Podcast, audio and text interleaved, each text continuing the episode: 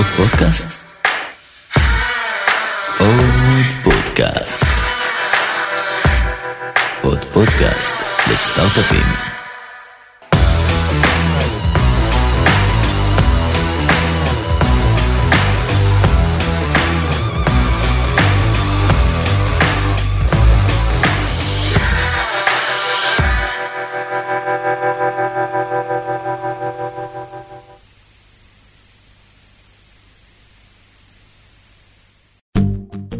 חדשנות על הבר, מובילי עולם הכלכלה הישראלית בשיחה אחד על אחד עם בכירי הרשות לחדשנות בברים ברחבי הארץ. כל מפגש יעסוק בהיבט אחר של החדשנות הישראלית. והפעם, אהרון אהרון, בשיחה עם אביגדור וילנץ, מייסד ומוביל חברות ענק בתעשיית ההייטק בישראל. בשיחה בנושא, כל הדרך מסטארט-אפ לחברה משמעותית. טוב, אז אנחנו אה, רוצים להתחיל. אז קודם כל, אני באמת חושב שצריך להגיד לכם תודה רבה שהגעתם בשעה של אמצע השבוע, יום רביעי, ואנחנו מאוד אה, שמחים להיות כאן. אני לא יודע, אני מדבר בשם אביגדור, אבל אה, אחר כך נברר את העניין. זה לא מאוד טבעי לאביגדור להיות באירועים מהסוג הזה, ולכן זה תודה רבה כפולה. פעם אחת על זה שהגעת, פעם שנייה על זה שזה בחיפה. אז קודם כל, תודה רבה לחיפה. בעצם אנחנו רוצים לדבר עם אביגדור. אנחנו נעשה את זה במתכונת שאני אשאל אותו מספר שאלות, ולאחר מכן בערך 45 דקות, משהו כזה, אה, אני אתן אה, שאלות מהקהל, אז אתם יכולים כבר לחשוב תוך כדי. קצת על הרקע של אביגדור שאני אתאר אותו, נולד ברחובות וגדל בירושלים. ולמשפחה דתית, ובכיתה ט' הוא החליט שהוא הולך לבית ספר תיכון רגיל, לאחר מכן הלך לשירות צבאי בשריון. דרך אגב, לכל האנשים מ-8281 וכולי, אפשר להגיע להייטק גם דרך השריון. ולאחר מכן, זהו, אתה תתאר. אז באמת בגיל שנה וחצי עברתי לירושלים, ולא גדלתי במשפחה דתית, אבל הסבתא הייתה דתית, ולמדתי בבית ספר דתי ביסודי, ובתיכון עברתי לתיכון ליד האוניברסיטה. אז עוד הייתה, הלכתי למגמה מאוד מעניינת, מגמה שקראו לה ריאלית הומנית, מגמה באמת של אה, לכאורה סבל קיצוני למי שלא אוהב ללמוד, כי עשינו, אז עוד לא היו נקודות, אבל עשינו בגרות מלאה הומנית ובגרות מלאה ריאלית. ואחרי זה הלכתי לשנת שירות, הקמנו, הקימו שנתיים לפני כן אמ, שנות שירות עירוניות. לפני זה היו שנות שירות לקיבוצניקים בלבד במסגרת גרעיני עודד, וכירושלמים החלטנו להקים אה, שנת שירות עירונית שקראו לה גרעין רעים במסגרת תנועת הצופים. לפני זה לא הייתי בצופים, וזהו, ואחרי השנת שירות בירוחם, הייתי שם שנה שהקמנו את השנות שירות האלה, אז אה, הלכתי לצבא, השתחררתי, טיילתי קצת בחו"ל וכן הלאה, הלכתי לטכניון, ואחרי הטכניון התחלתי, לא קיבלו אותי לעבוד באינטל. אה, הציונים שלי גם היו מאוד ממוצעים, אני חושב שה... סרגי, אל, תת, אל, אל תתאכזב נורא, הממוצע שלי היה 73, כי רוב הזמן הייתי על הדשא, אני חושב, אבל מאוד עניינו אותי הפרויקטים, ואחרי הטכניון הלכתי לעבוד באלביט, עבדתי שם במערכות מוטסות, על המחשב של הלוי, אחרי זה של ה-F-16, אחרי זה על תשתיות למחשבים, לתשתיות אביוניקה. וזהו, באיזשהו שלב, אחרי ארבע שנים, החלטתי שאני רוצה קצת להכיר את העולם של האלקטרוניקה קצת מזוויות בינלאומיות, ונסעתי לארצות הברית. ניסיתי להתקבל שם גם כן, חלק מהחברות לא קיבלו אותי, כמו HP, ומבוסטון התגלגלתי לסיליקון וואלי, ושם התקבלתי דווקא לכמה חברות. והתחלתי את הקריירה שלי, עבדתי ארבע שנים ב-Integrated Device Technology, IDT, חברת סמי uh, קונדקטור, ומתוך מגמה uh, לחזור לארץ ולהקים כאן uh, תעשייה שהיא לא צבאית, אז התעשייה האזרחית היחידה שהייתה בתחום השבבים הייתה של אה, צורן, אני חושב, שאהרון אחרי זה... דרך אגב, שכחתי לציין פרט מאוד חשוב, אהרון היה המורה שלי בטכניון, הוא תרגל אה, מערכות ספרתיות, נכון? משהו כזה, אם זוכרים. מה? טכן לוגי. אז למדתי אצלו טכן לוגי. זהו, אז חזרתי, אה, נסעתי במגמה באמת להביא טכנולוגיה לארץ. באמת קיבלתי הצעה מאמדל שעשתה סופר קומפיוטרס, והעדפתי ללכת אה, לתחום השבבים, כי זה התחום שרציתי לחזור ולהקים חברה בארץ, ואכן אחרי ארבע שנים, דרך אגב, השארתי קלטת באלביט, שאני יוצא לחפש את החברה הזאת, ואם אני אמצא חברת שבבים שאני יכול לחזור לאר... להביא לארץ, אני אחזור איתה אחרי ארבע שנים, וכך היה, אחרת, אה, אחרת הייתי נשאר ב, אה, באלביט. וזהו, חזרתי לארץ אחרי ארבע שנים. ב-IDT נהייתי הארכיטקט הראשי של החברה, התקדמתי שם לתפקיד הזה, כך שזה אפשר לי לחזור לארץ ולהקים את גלילאו. אני חושב שבשלב הזה נפגשנו בפעם הראשונה קצת יותר, זה היה 92 בסיליקון וואלי, ולפני שהקמת את גלילאו. אה, והייתי גם בצריף אה, בכרמיאל, שבתחילת החברה. והשאלה הראשונה, קודם כל, למה גלילאו? למה גלילאו? כי זה צירוף של הגליל, הוא גר בכמון, יחד עם מדע כמובן, וזה השם של החברה גלילאו. אה, קצת על גלילאו לאנשים שלא מכירים, גלילאו הייתה חברת semiconductor שהתחילה בעצם ב bootstrap, כלומר מאיזה צ'יפ שהגיע מ-IDT והמשכתם, ואחר כך עברה לתחום התקשורת. אה, החברה הזאת, אם אני לא טועה, ב-1993 הוקמה, 1997 הייתה הנפקה בנסדק יפה, זה 400 מיליון דולר, של אה, אותה תקופה זה היה הנפקה מדהימה, אחת ההנפקות הטובות. ובשנת, שאני לא קורא כי זה קטן, ינואר 2001 היה closing של uh, הדיל הכי גדול שהיה עד אז בישראל, של חברה שנמכרה ב-2.7 מיליארד דולר לחברת Marvell, והסניף של Marvell עדיין uh, חי ובועט בארץ, מהבחינה הזאת uh, זה יופי של אקזיט uh, גם לאלה שהיו מעורבים וכמובן לאלה שהמשיכו. והשאלה, השאלות שלנו תתמק, התמקדו דווקא בתקופות אחרות, זאת אומרת, ולאחר אה, תקופת ה, התקופה הזאת, אה, אביגדור משקיע הרבה מאוד אה, מזמנו, ממרצו, בהרבה מאוד סטארט-אפים, בהרבה מאוד חברות ש, שהוא מנהל אותן, והשאלה הראשונה כמובן, איך אתה בוחר במה להשקיע? היום אני בוחר להשקיע בצורה שונה ממה שבחרתי בעבר. ואני מנסה להתמקד בעיקר במה שאני מבין. כלומר, ההשקעות שהיו לי במגוון של אה, נושאים, החל מנדל"ן אה, לתחום הרפואי, אה, מכשור רפואי, לתחומי תוכנה, סייבר, ממש מגוון גדול של תחומים, מסחר אלקטרוני וכן הלאה, ברובם נכשלתי.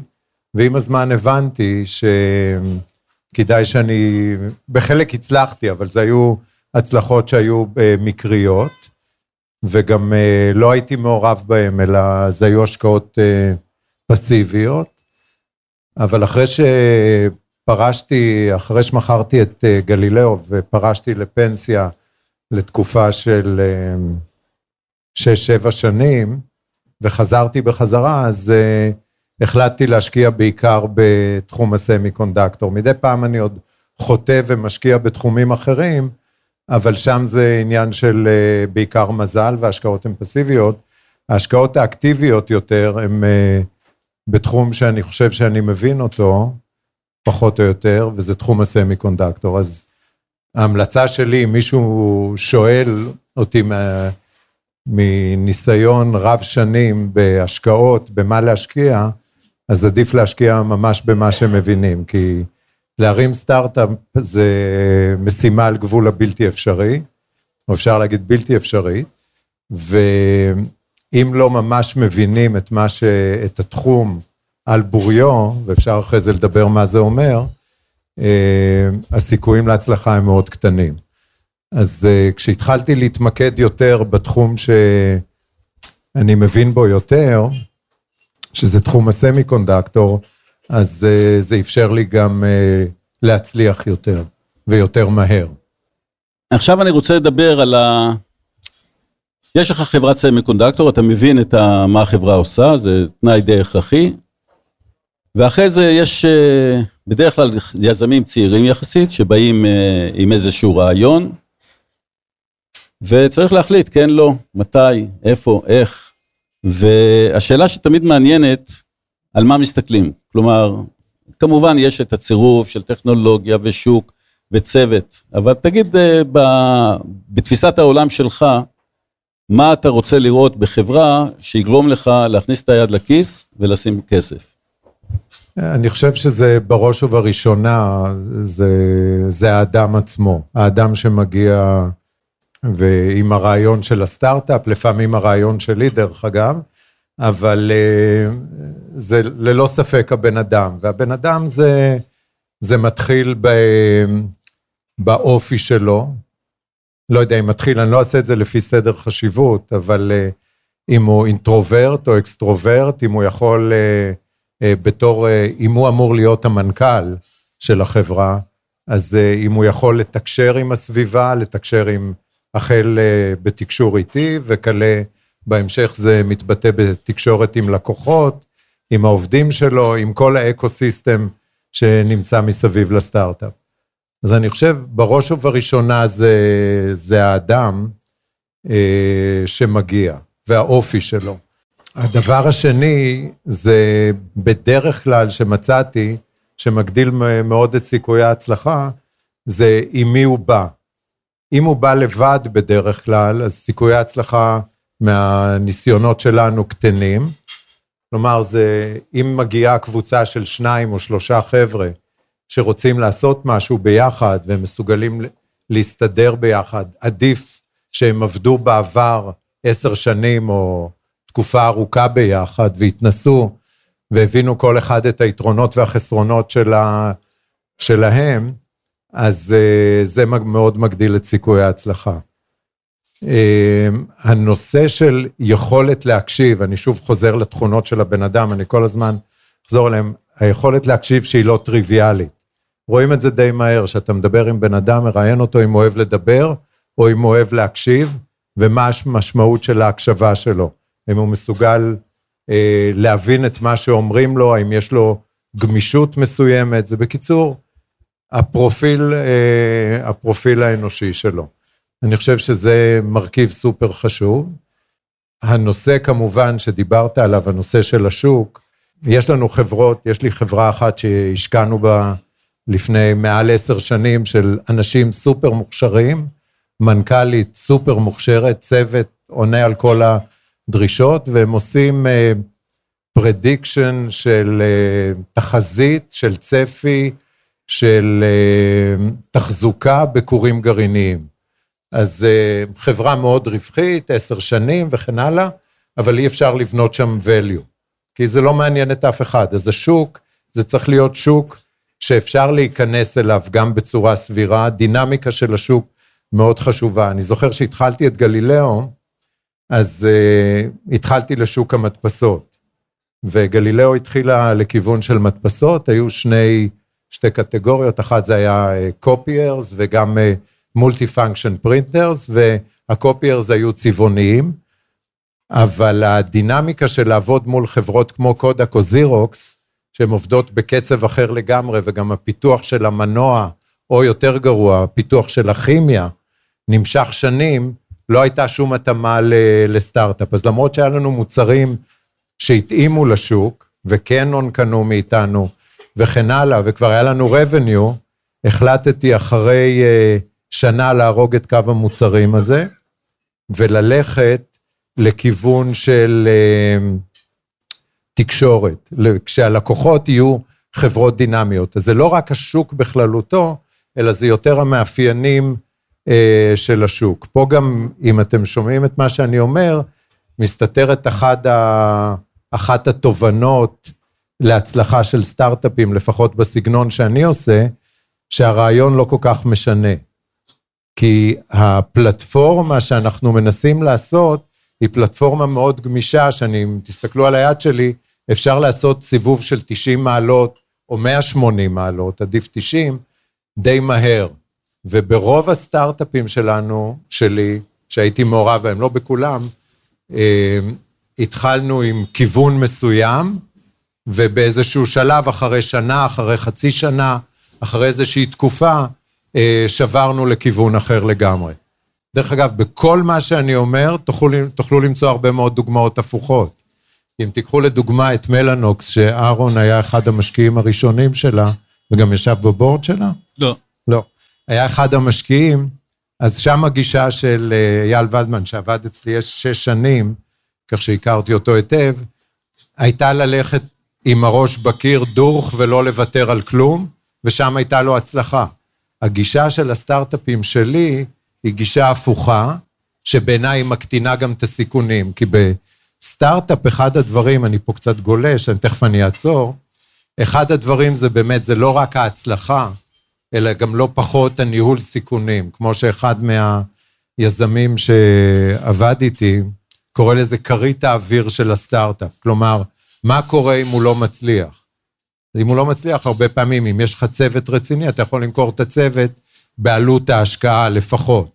אבל העניין הוא, זה באמת ניהול הסיכונים והפלטפורמות שאני בונה לפחות, או מכוון את הסטארט-אפים שלי, הן פלטפורמות גמישות. ואני בונה איזה בית עכשיו, כי זוגתי החליטה שהיא רוצה לעבור, אני, אני גר בקיבוץ חניתה, החליטה לעבור לגור אה, חיפה. ליד אה, אוניברסיטת חיפה, כי היא מרצה שם. אז אני משגע את הקבלן, כן? אני כל פעם אומר לו, אוקיי, אולי נשנה את זה, עד הרגע האחרון. ובסטארט-אפים זה גם קורה ככה, אז באמצע הלילה אני מתקשר למנכ"ל ואני אומר לו, אולי נעשה רכיב אחר. עד שמתחילים לעשות אותו, ולפעמים שמים אותו על המדף, עושים רכיב אחר, כמו שקרה לנו, יש פה חבר'ה מאותה חברה, שהתחלנו לעשות רכיב אחד, הלקוחות אמרו לנו שהם רוצים רכיב אחר, שמנו את הרכיב על המדף, עשינו רכיב אחר, הלקוחות לא רצו לקנות אותו, אותו לקוח ענק ספציפי, חזרנו לרכיב הקודם, המשכנו ברכיב הקודם, בינתיים מכרנו את הרכיב הראשון ללקוחות אחרים. אבל הנושא של גמישות ביזם, למעשה היא חשובה, אבל אפשר פה to linger, to go on and on and on עם סיפורי מעשיות. בסדר, אז הנושא של הגמישות הוא חשוב, אבל אחד הדברים שאני תמיד אוהב לספר, שסטארט-אפ, כאשר אנחנו רואים, אנחנו רואים רק מה כתוב בעיתון. כלומר, אנחנו לא רואים את החיים האמיתיים של סטארט-אפ. ובחיים האמיתיים של סטארט-אפ זה הרבה יותר דומה לרכבת הרים, מאשר למשהו שעולה בצורה יפה ויש לו הנפקה וכולי. הייתי רוצה שתספר אחד הניסיונות שלך לרכבת הרים שבאמת הפכה את הקיבה, אבל הצליחה בסוף, כי נכשלה בסוף, זה כולנו יודעים. אז אספר סיפור, אני יכול לספר כמה סיפורים כאלה, כי חלק מהחברות באמת לפעמים אה, מגיעות למצב אה, לא קל. הייתה לנו חברה, אני יכול לספר על שתי חברות, אחת אה, דווקא לא בתחום השבבים, בתחום הלייזרים, קראו לה ויג'ן. זו חברה שעשתה לייזר סיב, לייזרים על סיבים אופטיים, זה יחסית הספקים נמוכים, והשקענו בחברה, החברה התקדמה, היו לה לקוחות, היו revenues, וראינו שפשוט למרות שהיו revenues, והחברה התקדמה, ראינו שהיא מגיעה למקום ש... שהיא תפשוט את הרגל. כשנכנסנו קצת יותר לעומק, זאת מהחברות שאני יחסית הייתי פסיבי בהן, חברות שאני אקטיבי, אני קצת יותר אה, מעורב. ראינו שהמנכ"ל מוכר, שהוא היה פיזיקאי מדהים בחברה הזאת, מוכר בפחות ממחיר העלות, והוא חשב ש... פנטסטי. שככה, זה מה שהלקוח רצה, וזה מה שהוא נתן לו. זה נקרא WeWork. WeWork, כן, היום. אז יש לנו ניסיונות כאלה מלפני הרבה שנים, והחברה הזאת ממש הגיעה למצב של בנקרופסי, אה, בכל אופן השקענו, עשינו שם קצת סדר, ובסוף החברה הזאת נמכרה לאחת מחברות הלייזרים אה, הגדולות. אה,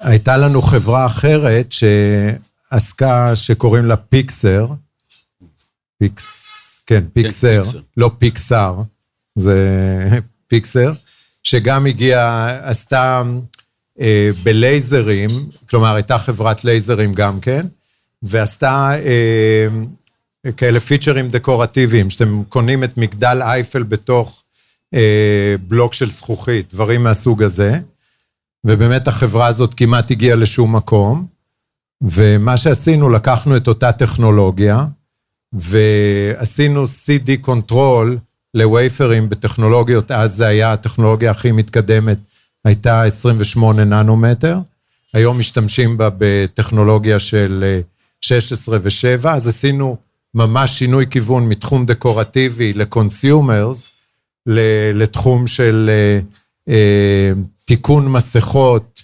לווייפרים, ובסוף החברה הזאת נמכרה ל Carl Zeiss. כן. אז שם היינו אקטיביים יותר. והיא עדיין עובדת ב... ב... ליד הבית, לא בכרמיאל, היא עברה ל... איפה זה? לתרדיון. בר-לב. לא לתרדיון, בר-לב, לבר-לב. לפארק בר-לב. היא עובדת בבר-לב, כן, חברה ושייכת נחמדה. לקארל צייז. הם היו בכרמיאל נכון. ועברה לבר-לב, כן. נכון. אז זו חברה נחמדה מאוד. אה, אחד הדברים שאני רוצה להמשיך איתם, זה, אין הרי נוסחה. זאת אומרת, אם הייתה נוסחה של אה, לזהות הצלחה ולהשקיע, אז אני מניח שכולם היו עושים אותה. אבל בסוף, מעבר ליזם, לחברה, יש איזשהו משהו שלמדת לאורך הזמן, זאת אומרת, היית עושה היום דברים שונים בהשקעות ממה שעשית בתחילת הדרך?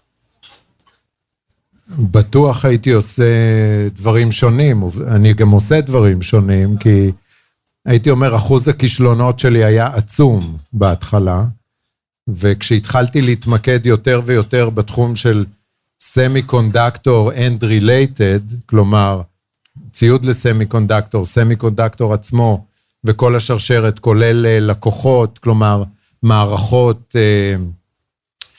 storage או networking ברמת ה system, אז זה פחות או יותר ההתמקדות שלי, וככל שאני מתמקד שם, אז אה, זה, זה מכמה סיבות. זה אחד, גם מבינים יותר, ו, וגם אה, אה, מעבר להבנה, עם הזמן נוצר איזה eco system שאפשר לעזור לחברות. אז נניח אם בתחום ה semi conductor יש לי מערכת יחסים של מעל 30 שנה עם TSMC, טוב. אז את החברות שאנחנו, שמתעסקות ב semi conductor, יכולות לקבל בכלל access ל fab, או אותה מספר שנים דומה של מערכת יחסים עם Cadence ו- וסינופסיס, כלומר כלי הקאד, וזה כולל את ה... מי שייצר את הבורדים, אקטון, שאנחנו הכנסנו אותם over, ב- במשך השנים לביזנסים של מיליארדי דולרים, אז הם חייבים לנו הרבה מאוד והם מוכנים לעשות עבורי כל דבר בחינם. אז דברים מהסוג הזה, וכולל הלקוחות, כלומר, access ללקוחות, הבנה של מה שהם צריכים, אה, היכולת ש, של, אה, זה מאפשר לסטארט-אפים אה, להיכנס ללקוחות שאחרת בלי הרפיוטיישן שלנו, אה, לא היה, זה היה בלתי אפשרי. אז זה, כשאתה יכול לעזור לחברה ברמת הבורד בצורה כזאת, זה, זה שווה הרבה מאוד. תראה, אני גם, זה כולל גם את הצד הפיננסי. בחברות שאני מעורב בהן מאוד, אז אני גם פותר למנכ"ל 70 אחוז מהעבודה שלו בזה שאנחנו, אני מגייס לו את הכסף. כלומר, הקשרים שלי ב, בעולם הפיננסי, בגלל, כמו שאמרת, הצלחות עבר, לא בגלל שום דבר אחר, מאפשרים לי נגישות להרבה מאוד הון. אז אם אני צריך לגייס לחברה 100 מיליון דולר, אז זה לא בעייתי, בשעה שאם יזם בא ורוצה לגייס לחברה הזאת 100 מיליון דולר, זה על גבול הבלתי אפשרי, ואז היזמים מחטטים את רגליהם, למרות שאולי יש להם רעיון פנטסטי, אבל אם אין להם בורד מהסוג הזה, נכון. מהבורדים שאני בונה, אז אה, זה, זה מוסיף עוד נדבך מאוד קשה. ברור, זה יתרון אה, באמת משמעותי, כשהבורד הוא בעצם מהווה אה, כוח לחברה, אה, מרבית הבורדים הם לא כאלה, אבל, וכשיש לך בורד כזה, אז היזם בעצם מתפנה לעשות את הדבר שהוא יודע לעשות. הייתי רוצה להתייחס למשהו אה, אחר, וזו תופעה שאנחנו רואים ברשות החדשנות, אה, זו תופעה שאנחנו רואים הרבה מאוד יזמים חוזרים, יזמים שכבר היו יזמים, הצליחו, וכ-25% מאלה שחוזרים אלינו, הם יזמים שהיו כבר יזמים והצליחו. היזמים האלה, הפרופיל טיפה משתנה, הם רוצים לבנות חברה משמעותית. הם לא רוצים uh, לעשות אקזיט מהיר, uh, כסף יש להם מספיק, הם רוצים לבנות חברה משמעותית. ופה השאלה אליך, איך אתה מגדיר חברה משמעותית? זה צד אחד. הצד השני זה הדילמה שתמיד מעיקה עלינו, וזה הדילמה, האם לבנות חברת סטארט-אפ בתור start-up nation ולמכור אותה בשלבים יחסית מוקדמים, או לבנות חברה שהיא כוללת את כל שרשרת הערך ומוכרת וכולי. יש לזה יתרונות וחסרונות, אני רוצה שתתייחס לשני הדברים. אחד, מהי חברה משמעותית בעיניך? והדבר השני, הדילמה הזאת של early sale לעומת אה, לבנות חברה אה, יציבה, גדולה וכולי. תראה, מסביב לחברה יש מה שבאנגלית קוראים stake uh, holders. אנשים שה... איך היית מגדיר את זה בעברית? stake בעלי holder? עניין. בעלי עניין. ובעלי העניין זה מתחיל מהלקוחות שרוצים לקבל מוצרים איכותיים, שיאפשרו להם להגשים את החזון העסקי שלהם. אה, יש את העובדים, יש את המשקיעים ויש את הספקים. אני חושב שחברה משמעותית זה חברה שיודעת לאזן ולהתנהל בין uh, כל הסטייק הולדרס שלה, בין כל uh, בעלי העניין שלה.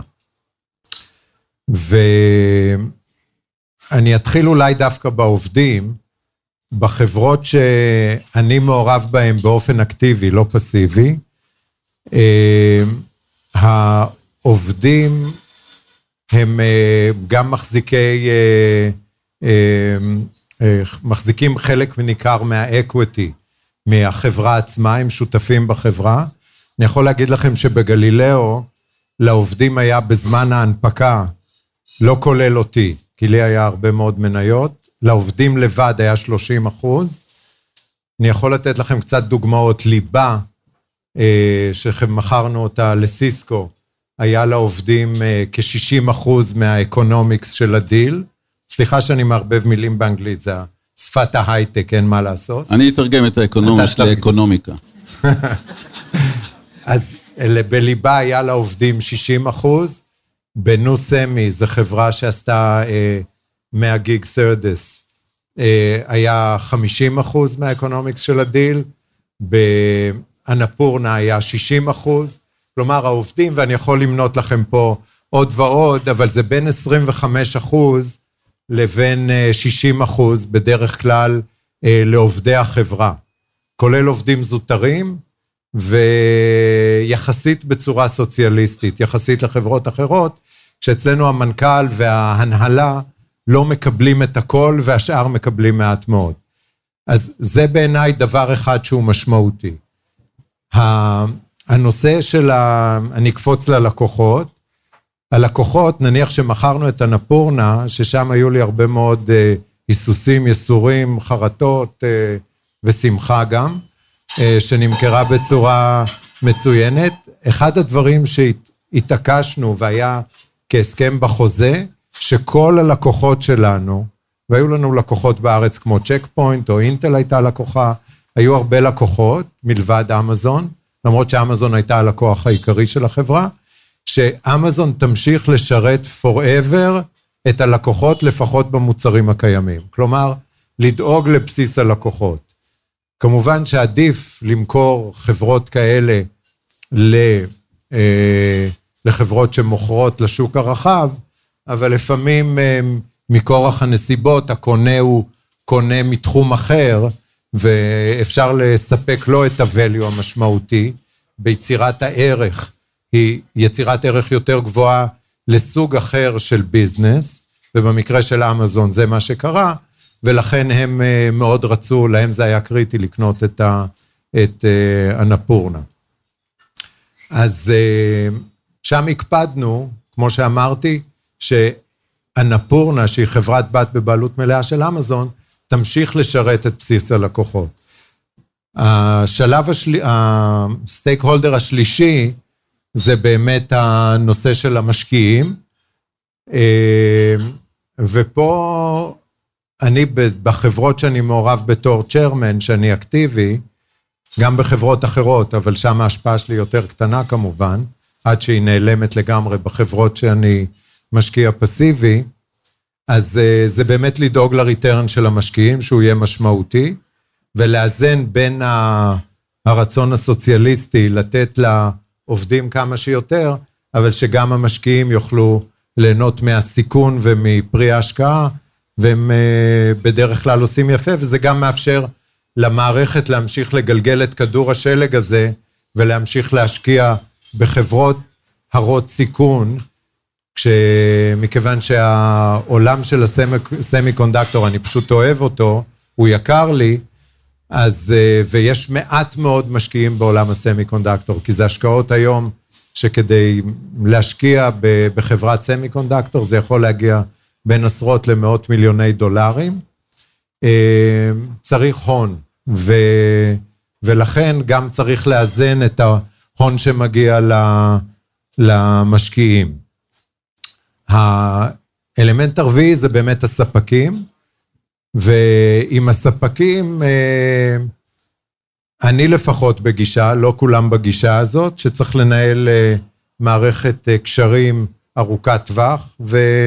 בסופו של דבר זה משתלם, אה, שיש לי מערכות יחסים של מעל 20 שנה עם חלק מהספקים, 25 שנים, וזה ממש משתלם, כי אני טוב אליהם, מביא להם ביזנס, וגם כשהחברות שלנו נקנות על ידי חברות אחרות, הביזנס ממשיך ואולי גדל, ולכן אני חושב שזאת חברה משמעותית, שחברה שיודעת לעשות את זה. הדבר, הרובד הנוסף שמועל כל הדברים האלה, זה הרובד של חברה שבאמת מנסה לעשות טוב עבור החברה בגדול. כלומר, ופה עם טכנולוגיה זה תמיד בעייתי, כי עם טכנולוגיה אפשר גם להשתמש בה לטוב, אפשר להשתמש בה גם לרע. וזה קצת טריקי, אבל אה, חברה משמעותית זה לפחות שבכוונות שלה, למי שהיא מוכרת, גם אם מוכנה לאבד business, בפיצ'רים שהיא מכניסה לרכיבים או למערכות, הם פיצ'רים שהם יכולים לקדם את האנושות. אני יכול לדבר קצת על הבעייתיות של, אה, יש לי שלוש חברות בתחום המכשור הרפואי, אבל אני לא מתכוון להשקיע שם יותר. א', אני לא מבין, הבנתי שכמה אני לא מבין, וכשהבנתי כמה אני לא מבין, הבנתי גם את הבעייתיות. אז שם, למרות שאתה אומר, אוקיי, אלה חברות ראויות, אתה רוצה באמת לעשות איתם משהו, והן חברות שקשה מאוד להזיק איתן, אה, עדיין זה בלתי אפשרי להשקיע בהן, בגלל כל המערכת, אבל זאת הרצאה בפני עצמה. כן. אז... אתה רוצה שאני אענה על החלק השני, או שדיברתי יותר מדי? על החלק השני, לא, על החלק השני. החלק השני זה בעצם, אני לא חושב שיש כלל, אבל אחד הדברים שאנחנו, נפתח את זה קצת דווקא בצד הסוציאלי שהזכרת אותו קודם. אה, ההייטק אה, די חסום לחלק גדול מהאוכלוסייה, מסיבות כאלה ואחרות. ובצד הזה, אז הדרך היחידה שיש בעצם להכניס אנשים להייטק, וההייטק עובד בפריון מאוד גבוה, או במשכורות מאוד גבוהות. הדרך הטובה להכניס אנשים להייטק זה כאשר שרשרת הערך בחברה לא כוללת רק את המו"פ, לא כוללת רק את המחקר והפיתוח. ברגע שיש חברה שבה נניח על כל אדם במחקר ופיתוח יש שלושה או ארבעה אנשים אחרים, אז האנשים האלה עובדים בשכר גבוה, האנשים האלה בדרך עובדים בחברה טובה, ואנחנו קוראים לזה חברות שלמות, כלומר חברות שבהן היחס בין אנשי המו"פ לבין שאר האנשים בחברה הוא יחס טוב. לעומת זאת, יש חברות שרוצות להימכר אה, בשלבים מאוד ראשוניים, אה, מה שנקרא לעשות את המכה, עדיין פופולרי, ועוד פעם, זו דילמה שאני לא חושב שאנחנו כממשלה צריכה, צריכים להתערב בזה, אבל הדילמה קיימת, ורציתי את ההתייחסות לך, שלך בזה. הנושא הזה הוא מורכב. אם אני מסתכל, נניח על, ה, על ההיסטוריה של חלק מהחברות, כמו אנפורנה לדוגמה, אז כשמכרנו אותה הייתה 96 עובדים, היום היא קרוב ל-700. כלומר, מבחינת ייצור, להרחיב את מקורות התעסוקה בזה שהחברה נמכרת ומקבלת מה, מהמנכ"ל שלה צ'ק פתוח לגדול בכמה שהם יכולים, אה, אז זה מגדיל את התעסוקה. אתה צודק שזה לקטע יותר מצומצם של האוכלוסייה. עם זאת, עדיין ניזונים מסביב מסעדות, אה, נהגי מוניות, אה, רואי חשבון, עורכי דין וכן הלאה וכן הלאה. יש אקו סיסטם, גובי מס וכן הלאה מכל זה. עכשיו, חברה שנמכרת גם מכניסה כסף לאוצר המדינה שמאפשר פיתוח תשתיות, אז זה כבר מביא כסף שהוא לא עתידי, והוא מקטין את הסיכון גם מבחינת החברה, כי החברה, אף אחד לא מבטיח לה שהיא תצליח ברור. בהמשך הדרך. עכשיו, כשאתה גם מעריך ובונה חברות for the long run, אתה תוכל לבנות פחות חברות כאלה, זה פחות יניע את גלגל ההשקעות. כלומר, אצלי רוב החברות הם בין שנתיים וחצי לארבע. חברה שאני מחזיק יותר מארבע שנים ולא מוכר אותה, כנראה שזה מורכב יותר, ויש לי חברות שהן כבר עשר או אחת עשרה שנים, ויש לנו סטארט-אפ למשל, טבולה, שהוא שוב בתחום שאני קצת מפקפק בו, לא מתלהב יותר מדי, אבל אנחנו נשפר את זה, אני מקווה, ששם המכירות של השנה הבאה יעברו את השני מיליארד דולר כסטארט-אפ, והוא מעסיק מעל אלף עובדים, יעסיק קרוב בשנה הבאה מעל אלפיים עובדים. אבל השאלה, אם אתה יצרת שם value, ואיזה value, ומה המוצרים עושים, ואיך אתה מזין את ה eco-system. כי גם ברגע למשל שיש, וגם תראה, לפעמים אם אתה מסתכל על כל ה stakeholder, מה שדיברנו מקודם, החבר'ה באמת עובדים קשה, בצורה בלתי, בלתי רגילה. נכון. ואנחנו בדור אחר קצת עם יותר סבלנות. היום שאני מסתובב במסדרונות של החברות שאני קשור אליהן, ולא עשינו אקזיט תוך ארבע שנים, אני רואה את החוסר סבלנות. אנשים, ותראה, וזה לגיטימי, כי אנשים רוצים את האקזיט, והם רוצים לסגור משכנתאות ולהתחיל לחיות, והם אה, גם עובדים קשה וגם חיים בצמצום. אז כל, תראה, אני לא, ואני אומר, אני לא מתנגד לזה שיהיו חברות שיתרוממו. תמיד אמרו הנוקיה הישראלית. אז בואו נראה, האם אה, אה, טבע היא פאר היצירה היום, כשתובעים אותה לאופיודים וכל מיני דברים כאלה? לא יודע. כלומר, חברות גם שגדלות ונהיות משמעותיות, גם לא תמיד, תמיד מביאות טוב. נכון. סטארט-אפ יש לו איזה אינוסנס של אה, איזה תמימות של, של ילד צעיר שעוד לא, לא הרע יותר מדי. ומי יותר אוהב מאשר ילדים? עכשיו, אני, אני אוהב ילדים, אני לא אוהב את הגיל שלי, שאנחנו כבר זקנים ובלים. קודם כל, אנחנו בגיל דומה, אבל לא באותו גיל, לצערי, והשיער השופע שלך... זה טעות, זה, זה טעות לא של הטבע. זה אף פעם לא היה אצלי. אז, אה, אז הנושא, הנושא הזה של חברה משמעותית, אני חושב שסגרת, וגם את הנושא של הדילמה שתמיד אנחנו מתלבטים בה. אה, בהקשר הזה הייתי רוצה להתייחס לנקודה אחרת, היא דומה. כי אמרת, התחום שאני משקיע בו זה תחום שאני מבין בו. התחום הזה הוא סביב סמי קונדקטור, או נגיד אה, בהכללה. אחד הדילמות תמיד זה, יש המון חברות, ואתה הזכרת חלק מהן בתוך כדי הדיון, שהן חברות מאוד מצליחות בישראל, אני אתן את המספר, יש בישראל כ-33 חברות שהן unicorns. כלומר, שערך, השוק של ערך החברה הוא מעל 1 ביליון דולר. 33, זה מספר מאוד מאוד גדול, אם היינו עושים את זה לפני חמש שנים, המספר היה קרוב לאפס.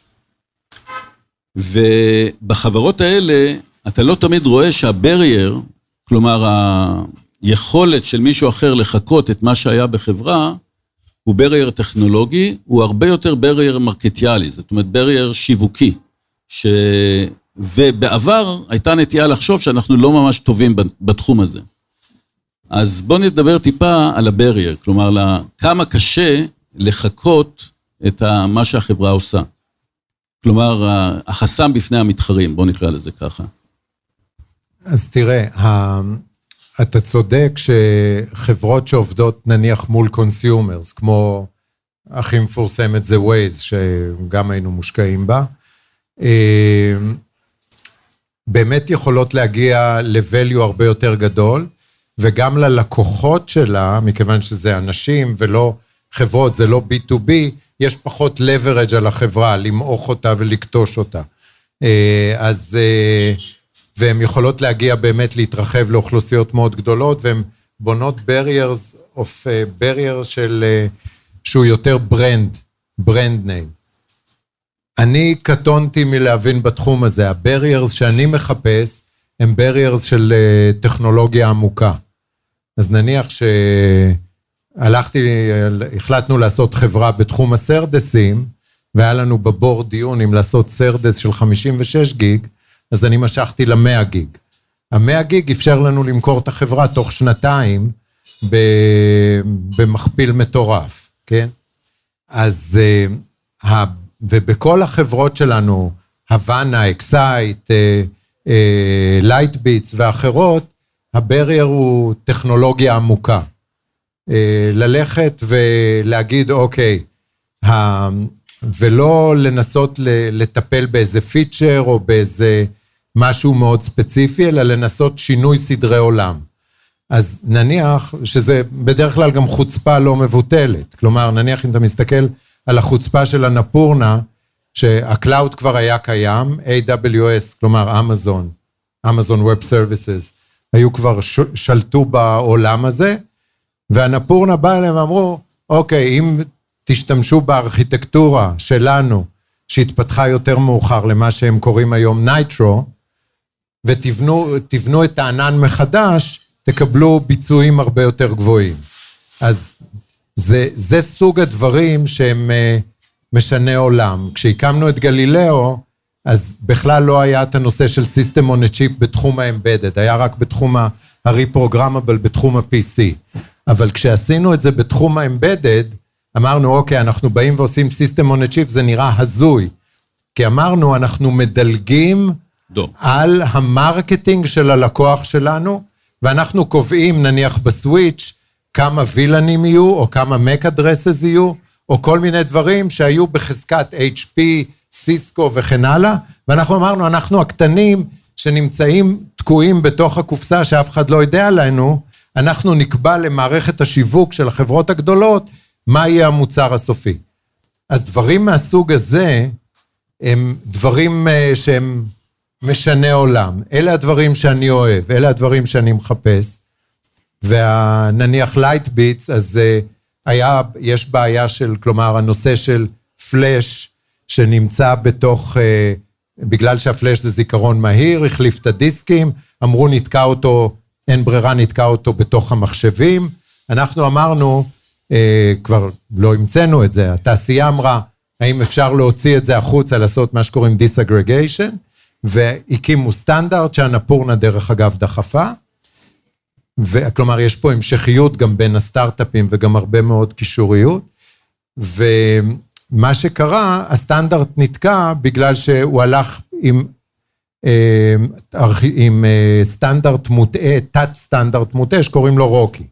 ואנחנו באנו ואמרנו, למה לא להשתמש ב-TCP, כן? דברים מהסוג הזה, אני מצטער, אני, אני מפסיק להיות לכל טכנולוג... מי, ש... לכל מי שלא הבין עד עכשיו, פלאש זה לא זה של המצלמה. כן. אז, אה, אז הקטע הזה, זה פשוט, ועובדה שהסטנדרט אומץ כסטנדרט בינלאומי בדצמבר האחרון, אבל זה בא מ Lightbits, מהחברה שעושה. אז אלה סוג הדברים שאנחנו עושים שכדי לבנות לא בהכרח רק revenue, אלא לבנות value. כן. כלומר, אנחנו מנסים בתוך עולם הטכנולוגיה גם ללכת לקצה וגם לשנות סדרי עולם. אז, זה, אז אין לנו ידע כשאנחנו מנסים למכור, בגלל זה נניח יש לנו חברת סייבר.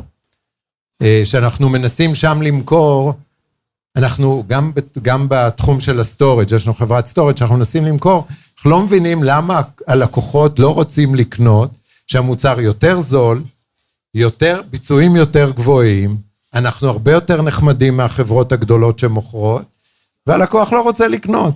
הוא מפחד כי זה סטארט-אפ, אז אנחנו לא יודעים איך למכור. אבל יש, התפתחה בארץ קבוצה, בהרבה מאוד תחומים שקשורים לאינטרנט, שהם מרקטיירים שלפני 30 או 20 שנה או לא 10 היו. שנים לא היו פה, והם מצליחים בדרכם שלהם. אבל זה לא הדרך שאני מבין בה. כן, אז זה, זה באמת, ה... באמת יש חברות שחלקם הגדול נמצא תחת אה, דבר שנקרא פורום אה, חברות הצמיחה, וזה באמת חברות שצוברות ערך מאוד מאוד גדול, באמת עושה שינוי בסך הכל התעסוקה בישראל, כי החברות האלה עתירות עובדים, וגם הם מאפשרים אה, להרבה מאוד אנשים שהם in the first place לא היו נכנסים להייטק, אה, לעבוד בהייטק, אז זה דבר אה, יפה. אה, אני יקפוץ למשהו אחר שנייה. אנחנו יושבים בחיפה. אה, אני חושב שהרבה פעמים כשמגדירים אה, פריפריה, אז אני תמיד אומר שהפריפריה זה חצי שעה מרוטשילד. אז חיפה היא פריפריה עמוקה מהבחינה הזאת, ולמען האמת זה לא כל כך מצחיק. כלומר, אני, אה, אביגדור התעקש שהישיבה הזאת תהיה פה אה, או בחיפה, לא התעקשת על הפאב, כי אין לך, עדיין לא הלכת לתחום הזה, אבל אה, שהישיבה תהיה בחיפה, אני מאוד שמחתי שהישיבה היא כזאת. אה, אני עדיין גר בגילון, אביגדור כבר לא גר בכמון, אבל גר בחניתה, במקומות שהם פחות מרכזיים. והייתי רוצה להתייחס מה הממשלה מפסידה שהיא לא עובדת בעצם בפריפריה. עכשיו, מה הכוונה? הממשלה עצמה מנסה לדחוף את הפריפריה כל הזמן. יש אה, בקרוב, נאשר תוכנית לחיפה של אה, 25 מיליון שקל, לפתח הייטק בחיפה. אבל בתכלס, אם אנחנו מסתכלים על הסטארט-אפים, 77 אחוז מכלל הסטארט-אפים בישראל קיימים בתל אביב רבתי. כלומר, זה לא, זה לא נתניה, תל אביב רבתי. ואם אנחנו מסתכלים על האנשים שעובדים בסטארט-אפים האלה, אז אה, רובם, 70 אחוז מתוכם, זה גבר יהודי לא חרדי. והאוכלוסייה היא מאוד מאוד שונה. אז בוא, בוא תגיד לי מה הממשלה מפסידה כאשר היא לא עובדת בפריפריה קרובה ורחוקה. אבל אם אתה ממשלה, אני חושב שאתה עושה צעדים בכיוון. אני משתדל. כן. היית באירוע האחרון. נכון. אז אה, אני מאמין גדול בדייברסיטי, ב- כלומר, זה המונח האמריקאי המכובס קצת, שזה באמת מגוון של אנשים, ואני חושב שבאזור תל אביב זה, זה קצת יותר אה, הומוגני, כלומר, אה,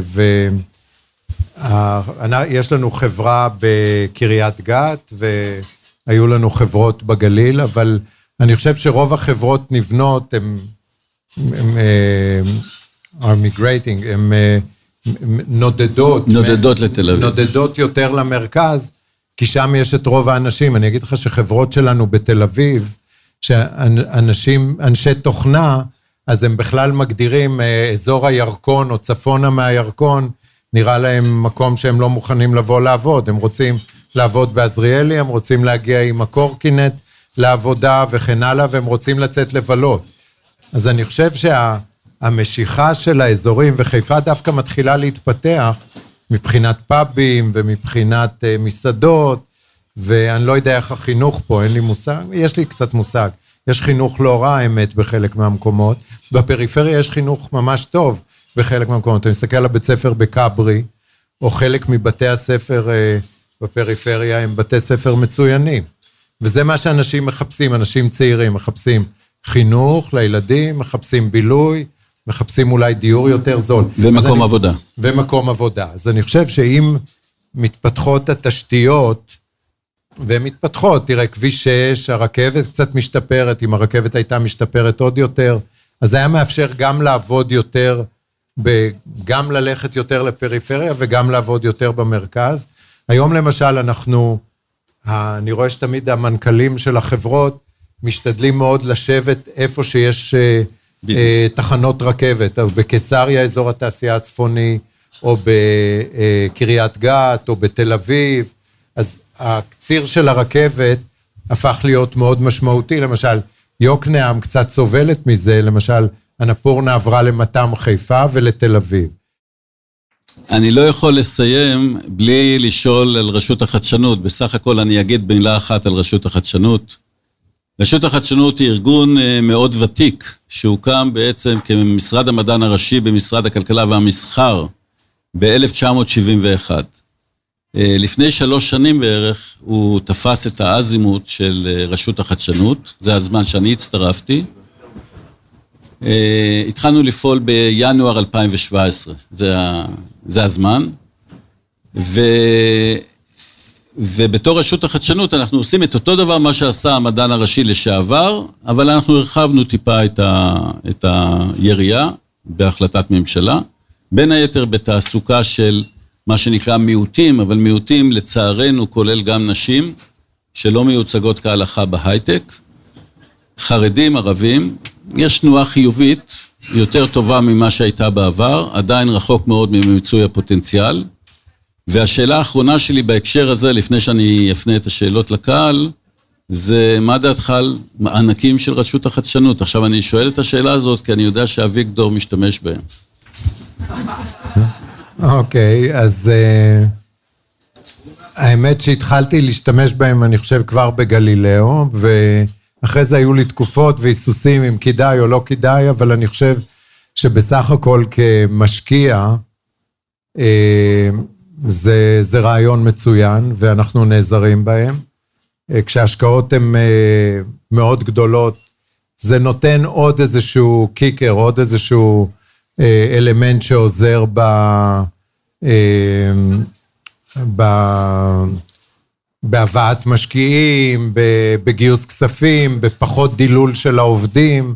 יש לזה הרבה אלמנטים חיוביים, ואני חושב שבהרבה מאוד חברות, החזרנו לרשות החדשנות יחסית די מהר. הנה עוד. פעם, כשיש אקזיט מהיר, ולמשל אמזון התעקשה לא להוציא את העובדים, להשאיר את העובדים, אבל להוציא IP לצרכי מיסוי וכל מיני דברים כאלה, אז הם שילמו פי שלוש בחזרה לרשות החדשנות.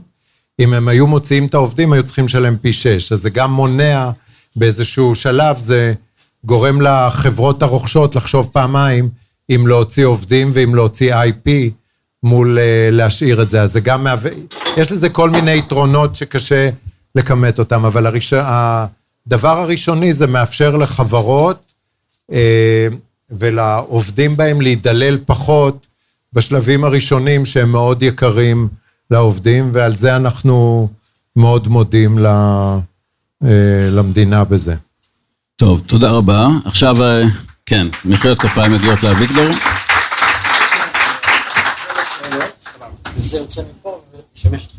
אה, חבר'ה, אנחנו ניקח שאלות, מי שרוצה שירים את היד, ומי שייבחר יבוא לפה, נדבר מהמיקרופון. תבחר והוא יבוא לפה. אה, אני צריך לבחור. כן. אה, יואב. לא, אתה צריך לבוא למיקרופון.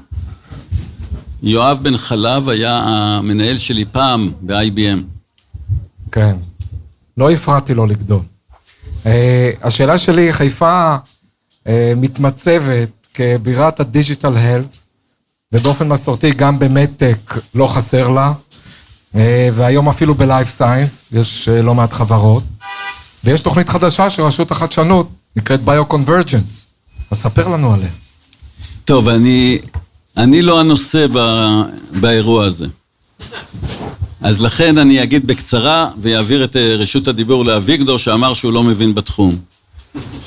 אה, תוכנית ביו-קונברג'ן זה תוכנית של רשות החדשנות שרוצה להיות תוכנית לאומית, כרגע אנחנו עושים אותה לבד. המטרה שלה זה בדיוק מה שנאמר קודם, זה לקחת את היתרונות שקיימים בישראל. אחד, זה, יש ידע מאוד מפותח באוניברסיטאות בנושא של אה, מדעי החיים. יש המון, המון חוקרים שפעילים בתחום ויש להם שם עולמי. בנוסף לזה, Medical Devices זה אחד התחומים היותר טובים של ישראל, יש 600 חברות פעילות, הרבה מאוד השקעות, מוכרות למעלה מ-2-3 מיליארד דולר בשנה.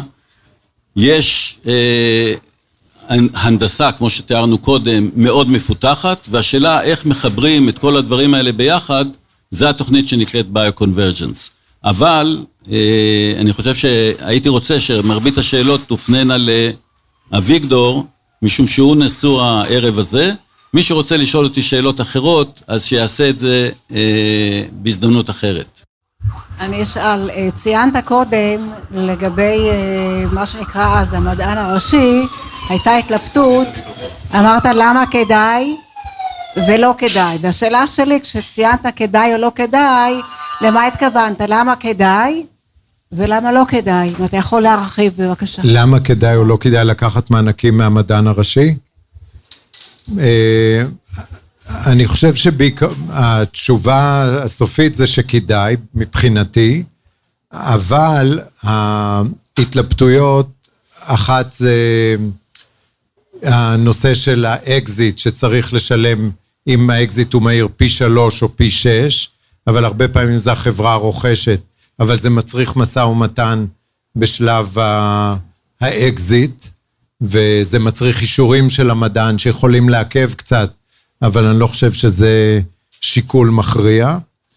אמ, בנושא של למה כדאי, כי זה פשוט, כמו שאמרתי, זה מקטין את הדילול בשלב שהאקוויטי הוא מאוד מאוד יקר, זה השלב הראשוני, שעבור כל סכום כסף צריך לוותר על אחוזים ניכרים בחברה. אז אם אפשר להשיג סיוע ממשלתי, דרך הלוואות מדען, זה מאוד עוזר.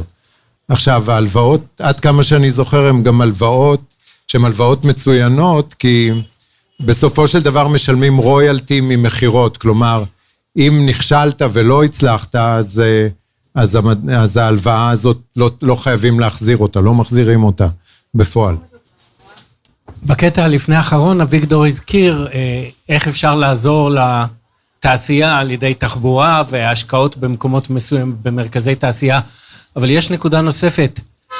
לפי הערכתי, במדינה דמוקרטית ההשקעה הכי משתלמת היא בחינוך, ומחמיצים מאוד בענייני הפריפריה. והסיבה להערכתי מדוע זה לא קורה, זה מפני שהפירות של החינוך זה אחרי שתתחלפנה שתיים שלוש ממשלות ולכן אלה שיוזמים לא יזכו אה, לגזור את הסרט.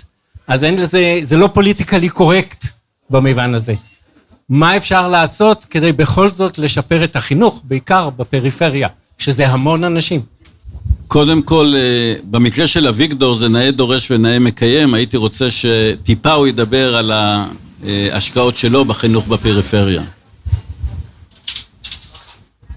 תראה, א', אני חושב שיש, יש, אה, ברור שאף פעם זה לא מספיק, אבל יש גם בפריפריה איים של מצוינות. אני הקמתי לפני, אני כבר לא זוכר מתי זה היה, ב-2000, אני מתעסק גם בחינוך בפריפריה כבר לא מעט שנים. הקמתי רשת בחסות קרן רש"י, רשת שקוראים לה רשת דרכה, שהיום היא הרשת המובילה בארץ, והיא רשת שעובדת רק בפריפריה. יש לה היום מעל 30 בתי ספר. היא לקחה בתי ספר קיימים, יש כמה קרנות מאוד גדולות שתומכות בה, ובניגוד לרשתות האחרות, במקום לקחת אחוזים מהתקציבים שמדינת ישראל נותנת לבתי הספר, היא מוסיפה תקציבים ומנהלת את בתי הספר ברמה הרבה יותר גבוהה. אני הקמתי, הייתי היושב ראש הראשון של הרשת והקמתי אותה, אחרי זה הסתכסכתי עם קרן רש"י ופיטרו אותי אחרי שנה, כי העולם הערכי שלנו לא היה תואם. אמ, יש בתי ספר מצוינים, יש לנו מערכת שהיום היא ב-40 בתי ספר, שהקמנו לפני 15 שנה, שאני אומר הקמנו, הקמתי את זה עם כמה הוגי דעות בתחום, שהם מורים בתחום, קוראים לרשת הזאת מרכז אחרת, שזה אחוות חוקרים רב-תרבותית, ומה שעושים שם, יש, יש לנו מכון הכשרה למורים, לפיזיקה, כרגע זה בעיקר בפיזיקה, למרות שזה יכול להיות גם בתחומים אחרים, ויש לנו תוכנית שקוראים לתת מצטיינים, שמתעסקת גם בביולוגיה וכימיה. אבל המרכז הוא בפיזיקה, ויש 40 בתי ספר שהם בפריפריה בעיקר, כולל חיפה, אתה יכול לקרוא לזה, לקרוא לזה פריפריה, זה בריאלי. ושם אנחנו מלמדים משך שנתיים את המורים, אה, זה יום בשבוע במלגה, ומלמדים אותם לא לדעת, להבין שהם לא יודעים כלום. זה לוקח לנו שנתיים לחנך מורה, להבין שהוא לא יודע, ורק אז הוא מוכשר מבחינתנו לצאת למסע מחקרי עם התלמיד. היום 25% מעבודות החקר בפיזיקה נעשות אצלנו בפריפריה. כלומר, בפריפריה קורים דברים גם די מדהימים יחסית לסטנדרט של מרכז הארץ. עם כל זאת, לקח למר... למשרד החינוך 13 שנים להשתתף, היום הם משתתפים חצי-חצי איתי במיזם הזה, אבל הם עדיין קשה להם לאמץ אותו, כי הוא מיזם חתרני שאומר שהכל נובע מלמטה ולא top down, מלמעלה. יש פה הרבה דברים לעשות במערכת החינוך, אה, אבל אפשר לדבר על זה, זה, אתה צודק. כלומר, הבסיס הוא למעשה, יש אוניברסיטאות שמוכנות היום להכיר בעבודות, אני הכנסתי, הכנסנו, זה לא רק אני, זה כולל המורים שעובדים איתי, הכנסנו למערכת החינוך מקצוע חדש, קוראים לו, בזמן שהורידו מקצועות, הכנסנו את המקצוע פיזיקה מחקרית, והיום בחלק מהאוניברסיטאות הם שוקלים אפילו לתת נקודות זכות למי שמתעסק ב... ועובד, עושה עבודת חקר, בעבודת מחקר אפילו, במקצוע הזה. אבל אתה צודק, אבל זה מצריך רוויזיה מאוד מאוד רצינית. תראה, צריך לפרק את משרד החינוך, להוריד את כל הפוליטיקה ממנו, יש פה אלף ואחד דברים, לתת המון עצמאות לבתי הספר, צריך להקים עשר עד חמש עשרה רשתות תחרותיות, תחרותיות, למשל לאורצ'י, יש רשתות שעם השנים פשוט התאבנו, אני לא אגיד נרכבו, אבל הם לפחות התאבנו, וצריך פה תחרות, ולי יש דעות איך לעשות את זה, אבל uh, אני לא חושב שזה המקום. אני חושב שהפריפריה לא זוכה לתקציבים נאותים גם בהרבה תחומים אחרים. חינוך הוא אחד מהם, בריאות זה דבר הרבה יותר קריטי כי זה חיים ומוות, ואנחנו רואים את זה גם בזה. יש נכונות לשנות, לפחות אצלנו ברשות, אנחנו עובדים מה שנקרא עם כשלי שוק, כלומר אנחנו מעדיפים השקעות באותם מקומות שיש כשל שוק, ובפריפריה יש כזה, אבל אנחנו מאוד רחוקים ממצב של שוויון הגיוני. שלום, שמי לנה לוין. אה, יש לי שאלה בנושא ההשקעות. בתור אה, יזמת ומייסדת אה, של חברה שכבר עשתה גם אקזיט, רוב המשקיעים שלי, משקיעים אנג'לים, הם מחו"ל. ואני יכולה בגדול לחלק אותם לשני חלקים. אחד זה הכירורגים שמבינים במוצר, כמו שאמרת. אני משקיע במה שאני מבין, והשני זה נשים שרוצות לקדם מיעוטים, נשים יזמיות ועולות חדשות וכולי, אבל אה, פחות מחמישה אחוז הם בעצם האנג'לים שמגיעים מישראל, וכמובן המדען שזה תומך אה, כבר עשרות שנים. השאלה שלי מה מאפיין ומה מבדיל את המשקיע הישראלי מהשקפת עולם שלך וממה שאתה רואה באמת בפועל בשוק מול המשקיעים האמריקאים בעיקר. אה, אני, שאלה שאני לא, לא בטוח שאני יודע שיש לי, אם יש לי את התשובה אליה, אם להבדיל, כי בחברות שלי עוד לא נתקלתי ב, באנשים שהשקיעו עבור, שהשקיעו עבור אה, קידום מיעוטים וכן הלאה, לא, לא נתקלתי במשקיעים מהסוג הזה. אה, כירורגים או דברים שאנשים שמבינים במקצוע, כלומר כירורגים זה דוגמה, יש לנו שלוש חברות רפואיות, אז שם באמת רופאים רוצים להשקיע כי הם מבינים, אבל הם לא בהכרח מבינים בהשקעות, כי בין להבין את התחום ולהכיר אותו לבין לדעת גם להשקיע בו, גם יש עוד איזשהו פער, אז אני רואה גם uh, משקיעים כאלה. Uh, אצלנו רוב האנג'לים שמשקיעים בחברות שאני מעורב בהן הם ישראלים, אבל יש גם כמה, אנחנו בדרך כלל מוסיפים אנשים מהתעשייה שמתעסקים גם בהשקעות, אבל הם גם אה, או מנכ"לים של חברות, או אנשים שיכולים לפתוח לנו אה, שווקים נוספים, או להוסיף value לחברה מעבר ל-value של הכסף.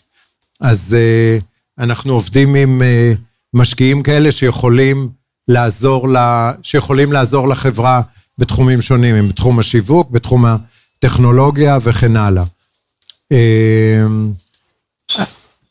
אני, בתחומים שלי אני לא רואה הבדל גדול בין אה, משקיעים ישראלים לזרים. לא, לא, לא משהו שאני מבחין בו. יש משהו שאנחנו רואים אותו בגלל התחומים. התחום של אה, מדעי החיים, אם זה התחום שאת היית בו, זה תחום שאין בו יותר מדי מיומנות בישראל של השקעה, וגם כמות הכסף הקיימת היא קטנה. ובארצות הברית המבחן הוא שונה, אז כנראה המשקיעים שלכם מאזור בוסטון, ששם זה, נכון, אז שם זה מאוד uh, מלבלב התחום הזה, ולכן זה דבר אחד. עכשיו, יש סוג אחר של משקיעים, שאני קורא להם האינסטלטורים, אבל הם לא בהכרח אינסטלטורים. זה משקיעים שיש להם כסף והם רוצים להשקיע איפשהו, והטכנולוג... והטכניקה שלהם היא מה שנקרא פיגי-בק, זאת אומרת, הם משקיעים אחרי מישהו שמבין. אבל זה משקיעים שקיימים גם בישראל, גם בארצות הברית, אנשים שיש להם כסף ורוצים להשקיע. אה, שאלה אחרונה, פחות או יותר. אה, דיברתם על המענקים שהרשות החדשנות נותנת לכל מיני חברות אחרות. אז נגיד, יש איזו תוכנית ששמעתי שנותנים, שהיא מקצה, שהיא משלמת לחברות בשביל שיעסיקו בוגרים ללא ניסיון, למשל. האם אתם באמת, קודם כל אשמח לדעת איפה זה עומד, ואם אתה באמת חושב שזה באמת ישפיע וזה מה שישנה את, את המחסור בהייטק ויפתור את הבעיה של החסרי אה, ניסיון. OJT, זו התוכנית האחרונה שהתפרסמה, אני אגיד כמה מילים על זה. השאלה, השאלה אם, אם הוא חושב, אם, גם הוא, אם הוא חושב שזה מה שיפתור את, ה, את הבעיה של ההייטק של, של העובדים, ושזה באמת ירתום את החברות להעסיק אנשים ללא ניסיון. אני אענה בכיוון אחד, תראה, אם יש מישהו מצוין שהוא מתחיל, אנחנו ניקח אותו. כלומר, אם אתה מגלה מישהו שהוא מוצא חן בעיניך, אה, מבחינה מקצועית, אישיותית, כל המכלול, אז אה, זה לא משנה שהוא מתחיל. אז אנחנו אצלנו לפחות בחברות ניקח אותו. אה, אני עוד לא התנסיתי בתוכנית הזאת. אני רק אסביר את התוכנית. התוכנית מבוססת בעיקר על אותם מקצועות שמתפתחים עכשיו. זה מקצועות שבעצם, פירמידת המקצועות היא מאוד מאוד רחבה. יש הרבה מאוד מקצועות בדרגים הנמוכים והגבוהים. כאשר אתה עושה הכשרה מהסוג הזה, אתה עושה הכשרה של מאפשרת למעביד לקחת את העובד חסר הניסיון עם סיכון יותר נמוך. זה אותו פילוסופיה של מענק. עכשיו, למה, למה אנחנו, למה יש בעיה כזאת בכלל? כ-70-75 אחוז מסך כל בוגרי המכללות לא נכנסים לעבודה בשכר גבוה. הם נכנסים לעבודה כמובן, אבל לא בשכר גבוה. 25 אחוז מכלל בוגרי האוניברסיטאות לא נכללים לעבודה, לא נכנסים לעבודה בשכר גבוה. עכשיו, האנשים האלה לא הולכים לאיבוד, משום שבישראל אין בעיית תעסוקה. אם ראיתם נתוני האבטלה זה 3.6 אחוז, כלומר, כל אחד שרוצה לעבוד ימצא עבודה. בסדר? זה המשמעות של המספר הזה. אבל אנחנו מעוניינים שהתעסוקה תהיה בשכר גבוה, כי שכר גבוה בסוף גורם לכך, ניתן דוגמה מספרית. אה, בוגר מכללה, המדינה השקיעה בו משהו כמו 250 אלף אה, שקל בתקופת לימודיו. אם לא, אם לא נדאג לכך שבסוף הכסף הזה יחזור למדינה איכשהו, כלומר אם הוא עובד בשכר של 8,000 שקל, הכסף לא יחזור למדינה. אבל אם הוא עובד בשכר של 20 אלף שקל, הוא יכול להחזיר את הכסף למדינה דרך מיסיו בערך בשנה, שנה וחצי. ולכן זה ההבדל. ערב טוב. יש לי שאלה קטנה לאביגדור ושאלה אחת אליך אם אפשר. אה, שתי לג... שאלות. שתי שאלות, אני אקצר אותן. לגבי הפיתוח, אה, עשיתם איזשהו חילוק בין חברות שרוצות לעשות את זה מהר, או לבין חברה שרוצה לבנות תשתיות יותר רציניות, ושמן הסתם זה השקעה יותר גדולה. רציתי להבין את ההבדל אם זה בא לידי ביטוי דווקא בכסף ובזמן, או ביכולת של האנשים בכלל לפתח את אותו מוצר, במידה וזה משהו מאוד מאוד מסובך וזה משהו מורכב מאוד. לגבי הפיתוח, אם זה בעצם הכסף פה הוא משמעותי או יותר הצוות וה... והזמן. זאת אומרת, אם יש לי פה סכום גדול של כסף, אם זה יכול לצמצם אה, כמה חודשים או כמה שנים של פיתוח מאוד אה, מורכב. לא בטוח שהבנתי את השאלה לגמרי, אבל אני אגיד לך, באופן כללי את כל החברות אנחנו בונים כחברות שיכולות להישאר לתמיד. כלומר, בונים את כל התשתיות מההתחלה, מנסים לבנות אותן לא בשביל אקזיט מהיר או משהו כזה. אלא אנחנו בונים חבר, חברות, בונים אותן נכון. שיהיו חברות שהן second to none, כלומר, מדהימות. עכשיו, ונותנים להם לרוץ ולהתפתח. אצלנו, בעולם שאני קשור אליו, עם החברים שלי, עם ההשקעות וכן הלאה, אנחנו נותנים ליזמים, או למי שמנהל ומוביל את החברה להחליט מתי הם עושים את האקזיט. בהתייעצות איתנו, כלומר, אם הם מנסים, רוצים לעשות את זה מהר מדי, אנחנו אומרים שלא כדאי, אבל יש לנו יזמים שרוצים לקחת חברות לשנים, או לטווח מאוד ארוך, ויש יזמים שרוצים לבנות ערך מהר, אבל הם עדיין בונים את החברה כחברה שכן יכולה להישאר ולבנות revenue והכול. אין פה סתירה בכלל. את כל החברות בונים למצב שלא יהיה אקזיט מהיר. כי אחרת זה בלתי אפשרי, אחרת זה מגדיל את הסיכון. דיברנו מקודם על הנושא של הורדת הסיכון. אתה חייב לבנות את החברה שתהיה חברה to last, שתישאר. ניתן לך דוגמה, יש לנו חברה שקוראים לה מדלן, כן, או Localize בארצות הברית, אתם מכירים אותה, חלקכם בטח משתמשים, זו חברה שהיזם לא מתכוון למכור אותה ever, או... ודברים כאלה, טאבולה, הם אה, גם לא רוצים למכור אותה. אז אין לנו, אנחנו הולכים איתם בכל צורה, אבל אנחנו, כשאנחנו יושבים בדירקטוריון של החברות ועובדים על ה-DNA של החברות, ואיך החברות האלה ייבנו ויתפתחו, זה כדי שהם יוכלו לרוץ אה, ללא מגבלות. תודה רבה. אה, שמי אילן קרן, אה, כעורך פטנטים אני אשמח לשמוע, וגם לטובת הקהל, אה, קצת אם תוכל אה, להבהיר בכמה מילים, אה, התפקיד שיש או אין לנושא של קניין רוחני IP, במיוחד פטנטים, בקידום של אה, סטארט-אפים. אני יודע שבתחום הרפואי זה מאוד חשוב. בתחום שלנו גם אנחנו רושמים פטנטים מדי פעם, אה, יותר מהסיבה הדפנסיבית, כלומר להגן על עצמנו, כשיש תביעת פטנטים שאפשר יהיה לעשות חילופי פטנטים או דברים כאלה. זה, בגלל קצב הפיתוח אצלנו, אז הנושא של פטנטים הוא פחות קריטי, אבל עדיין רושמים, אה, בעיקר כדי להגן, אבל לא, לא כל כך, אה, בטח לא כדי לתקוף, ו, וכדי להגן על עצמנו מפני מתחרים, אה, כי פה אנחנו פשוט מאמינים ב, ביכולות שלנו ובצורך פשוט לרוץ הכי מהר. יש חברות בתחום הזה, רמב"ס, ש... חיה על פטנטים ועל תביעות וכל זה, זה ממש לא הכיוון שלנו. רוצה לשאול, א', אה, כרגע כסטודנט, זהו, כסטודנט, אה, יש הרבה סיפורים של אה, סטארט-אפים שבן אדם הפסיק את הלימודים, התחיל, התחיל איזה חברה, גייס משקיעים וכל זה. רציתי לשאול אתכם כמשקיעים א', מה אתם חושבים על דברים כאלה, אם יש, יש לכם ביטחון באנשים כאלה, וב', כסטודנטים לשעבר, האם הייתם עושים דבר כזה בדיעבד, ולא הולכים א', לעבוד באלביט או כל דבר אחר אחרי הלימודים. צוברים את הניסיון בחברות כאלה או? תראה, זה כנראה תלוי בתחום. בתחום שלי, של צ'יפים, של הנדסת חשמל, אלקטרוניקה, מחשבים, אני חושב שזה... שכדאי להשקיע בלימודים וללמוד לעומק ולהבין דברים לעומק, ו, וגם אולי להתנסות בחברה, לא בהכרח, בתקופה שלי עבדתי באלביט, כי גם לא היו סטארט-אפים כל כך. אז uh, עבדת כדי להתנסות. אני חושב, uh, עבדתי באלביט, אחרי זה עבדתי ב-IDT, שגם הייתה חברה לא סטארט-אפ, אלא חברה משמעותית, גדולה יותר.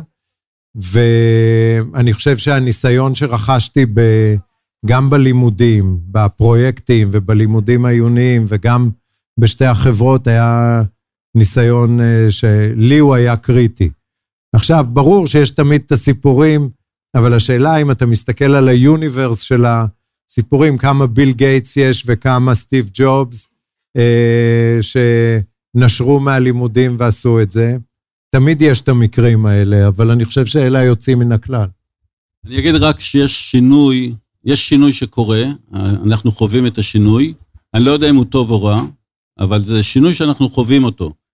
אה, בארצות הברית הוא מאוד אה, מבוסס, יש כ-25% מסך כל המצטרפים להייטק, מצטרפים שלא דרך האוניברסיטאות.